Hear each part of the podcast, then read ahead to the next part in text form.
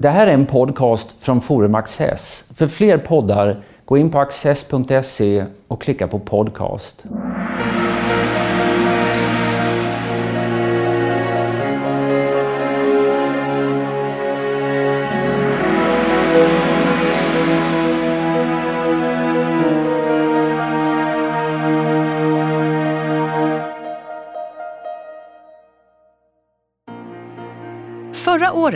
Kom Harvard-professorn Jill Lepores tegelsten om USAs historia, från Christopher Columbus till Donald Trump.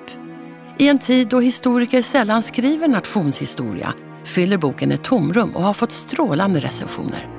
Åsa Karlsson samtalar med Dag Blank, professor i Nordamerikastudier, om bilden av den amerikanska historien som den presenteras i These Truths av Jill Lepore. Varför har Jill Lepore skrivit den här boken? För amerikanska historiker så finns det då och då ett behov av att skriva den stora amerikanska berättelsen. Att försöka samla sig och skriva om landets historia i en volym. Det är ingen lätt uppgift och eh, man är ofta lite äldre när man, när man ger sig på det. Men det finns i USA en uppfattning, en sorts grundinställning att USA är en historia. Den amerikanska historien är en speciell historia och den ska berättas, berättas på ett speciellt sätt. Och den har berättats då på olika sätt. Men det finns en lockelse, tror jag, för amerikanska historiker att ge sig på det. Att berätta om Amerika på ett sätt som kanske är annorlunda än i andra länder. Det är värt att fundera på. I alla fall än i Sverige skulle jag vilja säga. Den svenska historien och den svenska berättelsen, om den finns, är åtminstone väldigt annorlunda än den amerikanska berättelsen.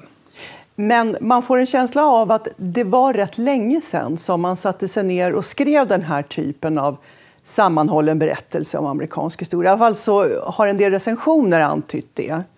Stämmer det? Det stämmer, det stämmer. Och det har delvis att göra med att historieforskningen i USA, som i andra länder naturligtvis, sedan 1960-70-talet har blivit så mycket mer, så mycket mer omfattande. Det finns många fler historiker, liksom folk som har gett sig in och forskar och forskarstudenter och doktorerar har ju exploderat.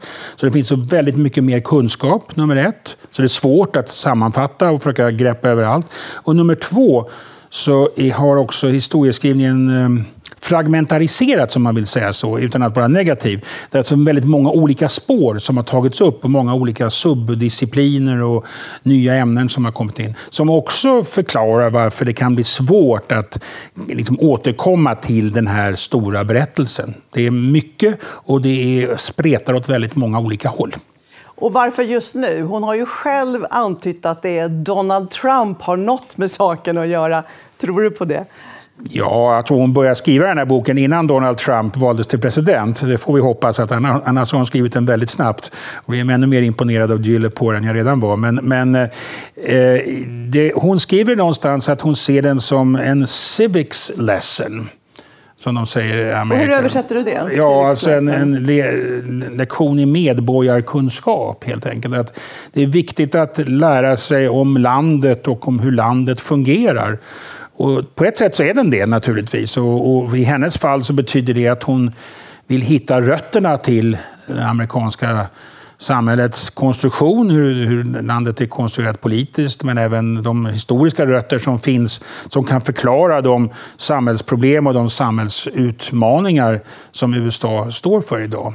Så, men det är klart att det finns en, en hela tiden en sorts samtida eh, referenspunkt här, en, en sorts klangbotten. Och det är klart att valet av president Trump har förstärkt det. Och, och, det tror jag man kan se överhuvudtaget i USA och även i Sverige. Att det har förstärkt ett intresse för, för USA och för det amerikanska samhället. Vi, jag är i Uppsala universitet och där har vi kurser i USA-kunskap, enda universitetet i Sverige som har det.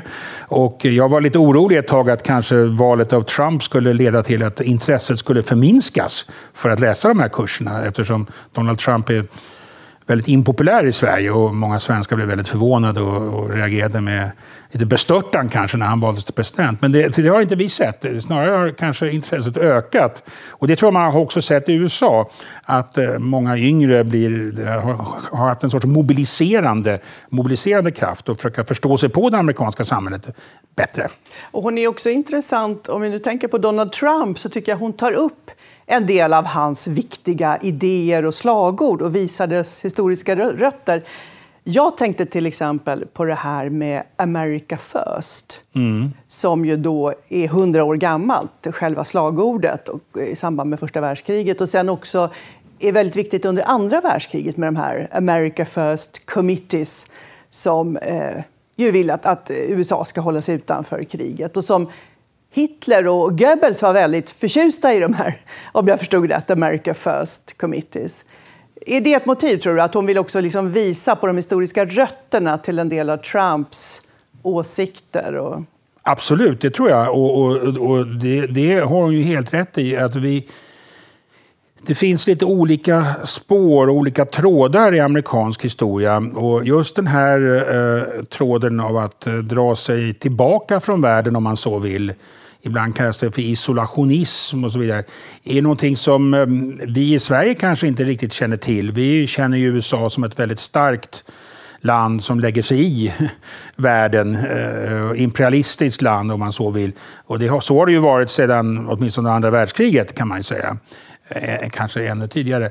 Men det finns också den andra sidan av att USA inte ska blanda sig i så mycket. Och det hörde vi ju i Trumps mm, valkampanj och valretorik en hel del. Och America first menar han då sätter USAs intressen först. Och allianser och eh, medlemskap i internationella organisationer, internationellt samarbete och sånt. Det, det, är någonting som han är väldigt skeptisk mot. Och den tendensen den, den är gammal. Just America first under andra världskriget där var ju till exempel ehm, i förspelet i andra världskriget så var ju Charles Lindberg, den svenskättade flygaren, han var en av de främsta exponenterna för detta och han var ju, ehm, ska man säga, tyskvänlig och reste på, före kriget under 30-talet en hel del i Tyskland och mottogs av, av nazisterna, hyllades av dem.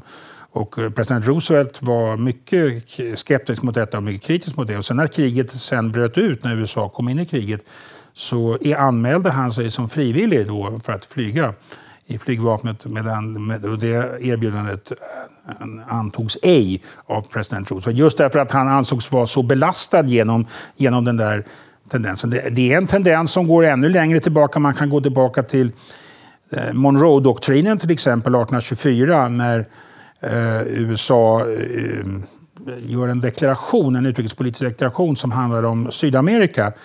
Det var då när de sydamerikanska republikerna hade blivit självständiga. USA blev självständigt 1776 och sen inom de närmaste 50 åren så liknande processer i Sydamerika. Och vid 1824 då så hade så gott som de, all, så gott som de alla latinamerikanska republikerna blivit självständiga. Och då uppstod en oro lite grann från amerikansk sida att de europeiska länderna skulle försöka återinträda i den västra hemisfären genom att påverka de här länderna på olika sätt. Och det skulle kunna utgöra ett hot mot USA till exempel.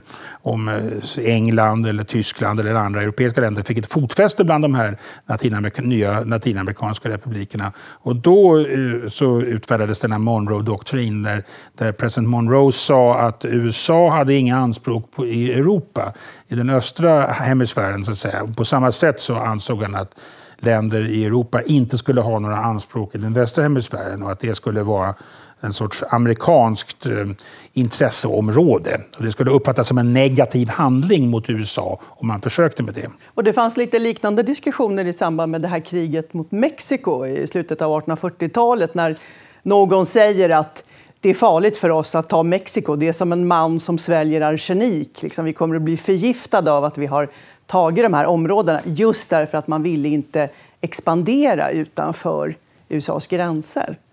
Det är riktigt. Eh, och, och, just det mexikanska kriget där som ju lägger grunden för den amerikanska expansionen västerut. Det öppnar upp stora områden. Det är ju en tendens i den amerikanska 1800-talshistorien att USA expanderar västerut. Eh, indianerna fördrivs på olika sätt och, och Och sen öppnas de här territorierna upp då för bosättning av, av, av, amerikaner och andra invandrare också, vita invandrare. Man kan ju säga att våra svenska emigranter, Karl-Oskar och Kristina som och även Ola Larsmos emigranter nu i Swede Hollow som alla pratar så mycket om.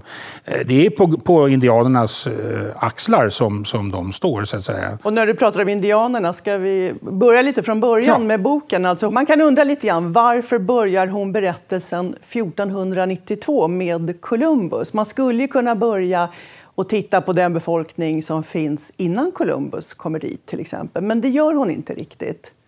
Nej, hon gör inte det. Och det är en, en, en intressant observation. Eh, många amerikanska historiker idag börjar just mycket längre tillbaka i tiden och talar om, om de ursprungsbefolkningar som fanns på den nordamerikanska kontinenten. Det var ju många olika grupper som fanns där som varom vi tyvärr inte vet så hemskt mycket. Eh, det är mest arkeologisk kunskap som man får förlita sig på, antropologisk kunskap. Men hon gör inte det. Hon skriver någonstans att en av anledningarna till att hon vill börja med 1492 är att hon betonar ju hela tiden att USA delvis har fötts i våld på grund av med kolonisering och med våldsamheter och med undertryckande av, av andra, andra folk. Det, det, är, det är en tråd som löper genom hela boken. Först då eh, de ursprungsbefolkningarna som blir en, förtrycket av dem och där dog ju bokstavligen talat en stor del av, av den... 80 procent ja, har jag läst någonstans. Ja, det, ja. det som brukar kallas för the Columbian exchange. Att alla de olika sjukdomarna som, som inte var kända i den nya hemisfären, eh, västra hemisfären eh, kom hit. Och sen så kom det tillbaka vissa andra saker från, från nya världen till den gamla världen. Vissa grödor och några andra sjukdomar också. Men, men det är liksom eh, ett, en tes. Och sen, och sen som hon lägger väldigt stor tonvikt kommer ju då slavbefolkningen som förs från, från Afrika till, till den nya världen. Och de kommer från början egentligen, alltså om vi nu talar om Nordamerika, när de här första skeppen kommer på, med, med engelska ja. immigranter på 1600-talet, då finns ju redan slavar i Amerika och snabbt så kommer ju slavar också i, i Nordamerika. Så att hon betonar ju att liksom frågan finns från början. Dels eh, de här eh, som söker en fristad från England, från religiöst förtryck och de som har tvingats dit och blir slavar. Och det går ju fram till, det, det blir ju en väldigt viktig sak som hon gör kring revolutionen 1776, om vi går fram till den nu. Eh, som ju handlar om att göra sig självständig och skapa en stat och man gör den på dokument. Kunde du säga något om det? Alltså de här dokumenten, självständighetsdeklarationen, konstitutionen och rättighetsförklaringen. Centrala dokument som återkommer som en röd tråd genom hela boken sen. Precis så är det. Och det har att göra med eh, uppfattningen om att USA är grundat på en idé. Det finns eh, vissa idéer, just nedskrivna på papper, som utgör fundamentet för den amerikanska republiken. Eh, och, eh, och, när man åker till Washington, som jag tycker man ska göra, då ska man inte missa att besöka det amerikanska riksarkivet, National Archives, där de har en fantastisk utställningslokal. Och där kan man se dessa dokument. Det är väldigt nästan sakralt. Man går, skrider sakta framåt och längst fram så ligger de sacred documents, alltså i, i, i kärnvapensäkra montrar. Eh, självständighetsförklaringen och, och konstitutionen. Kunde man ta på dem så kunde man nästan ta på USA. Så att säga. Och där finns de här idéerna nedtecknade, dragna ur den europeiska upplysningen väldigt mycket. Och eh, det spelar en så stor roll i USA, för ett argument kring vad USA är, är just detta att det är en politisk idé som utgör grunden och inte en sorts kulturell enhet. Eh, utan att det kulturella är så varierat på grund av invandring från många olika länder, frivillig eller ofrivillig, och då undertryckandet av ursprungsbefolkningarna. Det är den här, enligt det här argumentet är mindre viktigt, utan det är de här politiska idéerna som nedtecknades på papper som är det viktiga. Och om man så att säga, ställer upp på de idéerna så blir man amerikan. Och de här dokumenten de tillkommer i slutet av 1700-talet, men de är på intet sätt färdiga. Det tycker jag var också en väldigt intressant poäng hon gör. Att de prövas ständigt. Konstitutionen prövas ständigt, utmanas av förändringar och av människor som anspelar på konstitutionen och säger antingen nej, vi kan inte ha en eh, generell eh, sjukvårdsförsäkring för det är emot konstitutionen eller ja, vi japaner som internerades under andra världskriget, vi anser att detta strider mot konstitutionen. Detta kommer ständigt tillbaka, det är liksom en process. Så är det. konstitutionen styr ju så mycket det amerikanska samhällslivet. Och den har, det finns ju en mekanism i konstitutionen för att göra eh, tillägg till konstitutionen. Och inte minst de tillägg till exempel som genomfördes efter inbördeskriget. Då. Den stora frågan, den stora olösta frågan från The Constitutional Convention i Philadelphia där man skrev konstitutionen. Den nuvarande konstitutionen är den andra konstitutionen som landet antog. Den första konstitutionen kallades för The Articles of Confederation. Det var en väldigt löslig eh, konstitution som höll samman de här nya delstaterna men saknade en, egentligen en stark centralmakt och den fungerade inte. Så man träffades i Philadelphia 1787 för att sen skriva om den eller revidera den och då kom den nuvarande konstitutionen till. Men det så en av de frågorna som ej löstes då, det var frågan om slaveriet. Konstitutionen då, den sa ingenting om slaveriet. Den var tyst när det gällde slaveriet. Den gjorde två indirekta referenser till den. Men det betydde att i de delstater där slaveriet fanns accepterades det och i de delstater där det inte fanns så accepterades det. Och det krävdes egentligen ett, ett inbördeskrig för att lösa den frågan. Och efter inbördeskriget så antas tre tillägg till författningen, till konstitutionen, de så kallade Civil War, eller inbördeskrigstilläggen, som då reglerar eh, slaveriet och förbjuder slaveriet och, och reglerar rösträtten, bekräftar rösträtten och bekräftar en lika rättsbehandling. När du kommer in på slaveriet så är det verkligen en av hennes eh, riktigt stora röda trådar, nästan mer, det är nästan hjärtat i hela boken tycker jag. Eh, den här motsättningen som man skapar från början i konstitutionen om att alla människor är eh, jämlika, men det saknas då en stor grupp som inte ens får vara människor, som är egendom, mm. slavarna. Eh, även kvinnorna finns ju inte heller med i, i den ursprungliga konstitutionen. Och, och sen, hon följer ju slaveriet. Det tycker jag var väldigt spännande att läsa. Eh, slaveriet finns i allt som hon berättar. En viktig sak är till exempel som hon tar upp är att alla presidenter nästan var slavägare i början. Hade denna motsättning i sina egna eh, liv. Ja, så är det. Thomas Jefferson som skrev självständighetsförklaringen All men are created equal, han ägde också slavar. Och, det och hade barn med, hade barn med, med en slavkvinna ja. Ja, som var hans hustrus halvsyster. Alltså det i flera led så, så eh, finns den här kopplingen mellan honom och slavarna. Det gör det, och det är den stora, kan man säga, den stora paradoxen, eller en av de stora eh, det som Gunnar Myrdal kallade för en American dilemma när han inbjöds att skriva sin stora studie om rasrelationer som han då kallade för i USA på 1940-talet. Och det är, som du, precis som du säger, ligger som en grundpelare, grundbult i Le Poor.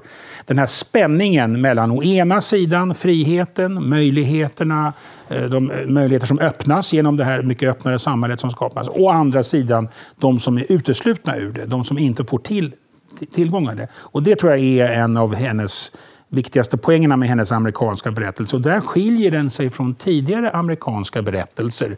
Tidigare sådana här amerikanska envolymshistorier eller mångvolymshistorier som ofta har fokuserats på frihetens framväxt eller demokratins framväxt. Man kan titta på amerikanska läroböcker i historia. Det kan heta The American Journey, Democracy, Freedom eller någonting sånt där.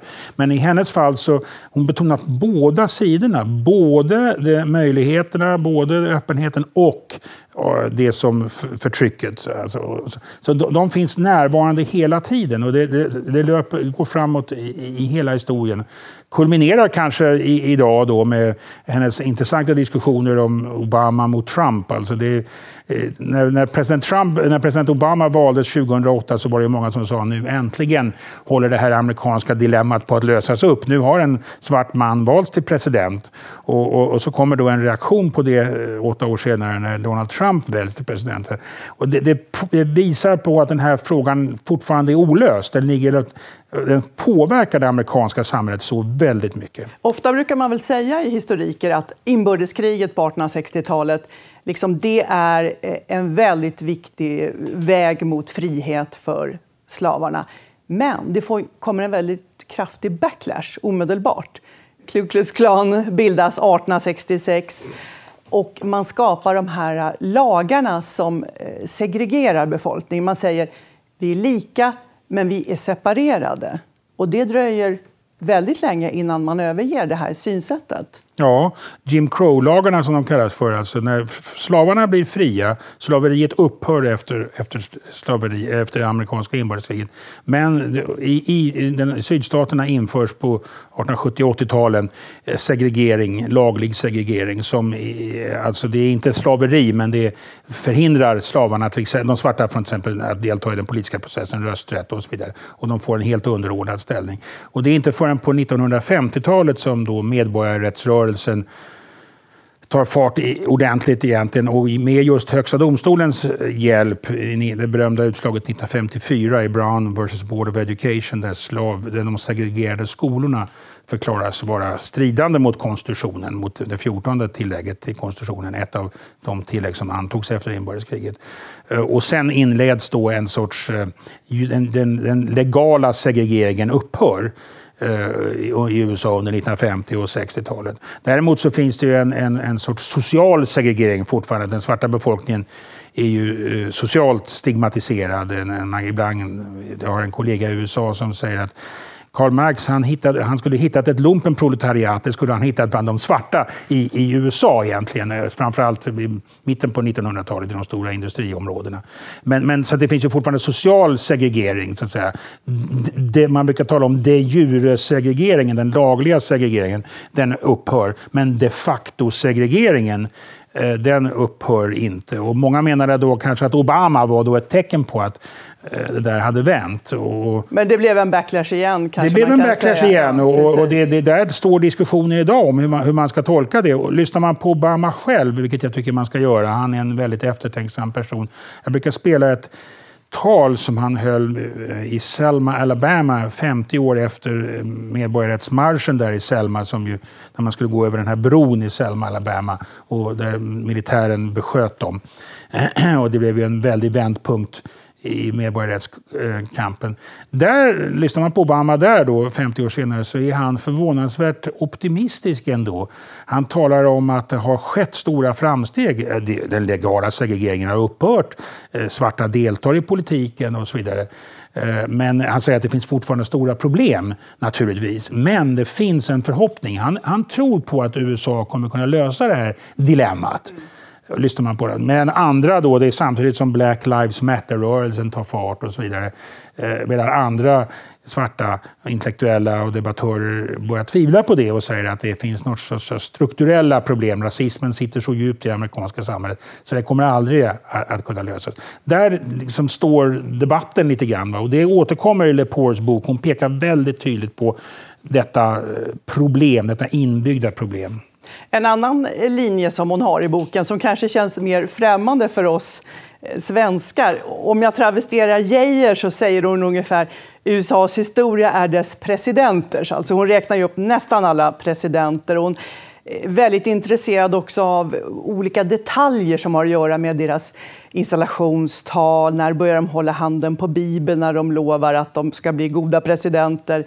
Vem håller första radiotalet? Allt det här är väldigt viktigt och för oss kanske känns lite främmande. Men det är väl en del av att hon är så intresserad av eh, det politiska spelet. Ja. Det är centralt i boken på något sätt, hur det växer fram och utvecklas. Det, det, det är hon. Hon är själv egentligen, hennes första bok som jag läste med stort intresse som kom någon gång på 90-talet handlar om King Philips War i Massachusetts. Det är ett indianuppror. Och, och jag har alltid läst henne som mycket lite mer kulturhistorier, eller the new cultural turn och så vidare. Men här, du har helt rätt i det att det är mycket, mycket krut läggs här på att beskriva de olika presidentperioderna. Inte minst naturligtvis därför de är viktiga, de spelar en avgörande roll i, i, i, i den amerikanska historien. Eh, men du har rätt i det och man får lära sig mycket om deras enskilda, enskilda liv. Eh, hon är, det är väl kanske delvis en politisk historia. Det är inte så mycket en militär historia om man tänker på det. Du som själv har ägnat dig åt militärhistoria. Om man läser kap intressanta kapitel om inbördeskriget så man får inte höra någonting om de stora slagen. Nej, mer om fotografi. För att eh, inbördeskriget på 1860-talet är det första krig som verkligen fotograferas. Och det ägnar hon flera sidor jämfört med... Det är ju inga, striderna skildras ju överhuvudtaget inte. Men de gör inte det? Nej, nej. nej. Och det är lite slående därför att det amerikanska inbördeskriget är ju så oerhört populärt i USA. Alltså, intresset för det är ju enormt och inte minst för de olika slagen. Och det finns ju en eh, folkrörelse av såna här reenactments, folk som åker ut och klär upp sig och deltar och, eh, och, och vet allt. Eh, lite nördvarning om man får säga så. Vet allt om, om hur slagen gick till och var de stod och var de gick och så vidare. Och det saknas i den här boken, vilket jag tror kanske är lite medvetet från hennes sida. Hon säger ju faktiskt det i introduktionen. Men en annan sak som hon tar upp som kanske har lite bäring på Sverige också eh, hur hon tar upp den här frågan när politiken blir nästan som ett maskineri, en industri. Hon går ganska mycket in på opinionsundersökningar, tycker hon väldigt illa om. och Det gör hon en stor sak om, Dr Gallup och så vidare. Eh, och, eh, hon talar också om de här kampanjinstituten. Det tyckte jag var rätt intressant. Som mycket medvetet har drivit kampanjer för enorma summor under åratal mot till exempel, ett av de starkaste exemplen är väl sjukvårdsförsäkringar som man har försökt införa under lång, lång tid. Obama lyckades väl nästan. Men alltså det är det första som har lyckats. Men där har det varit så starka kampanjer som har eh, förstört de här politiska reformerna. Och det kan vi väl se lite grann också i Europa, den här politiska industrin.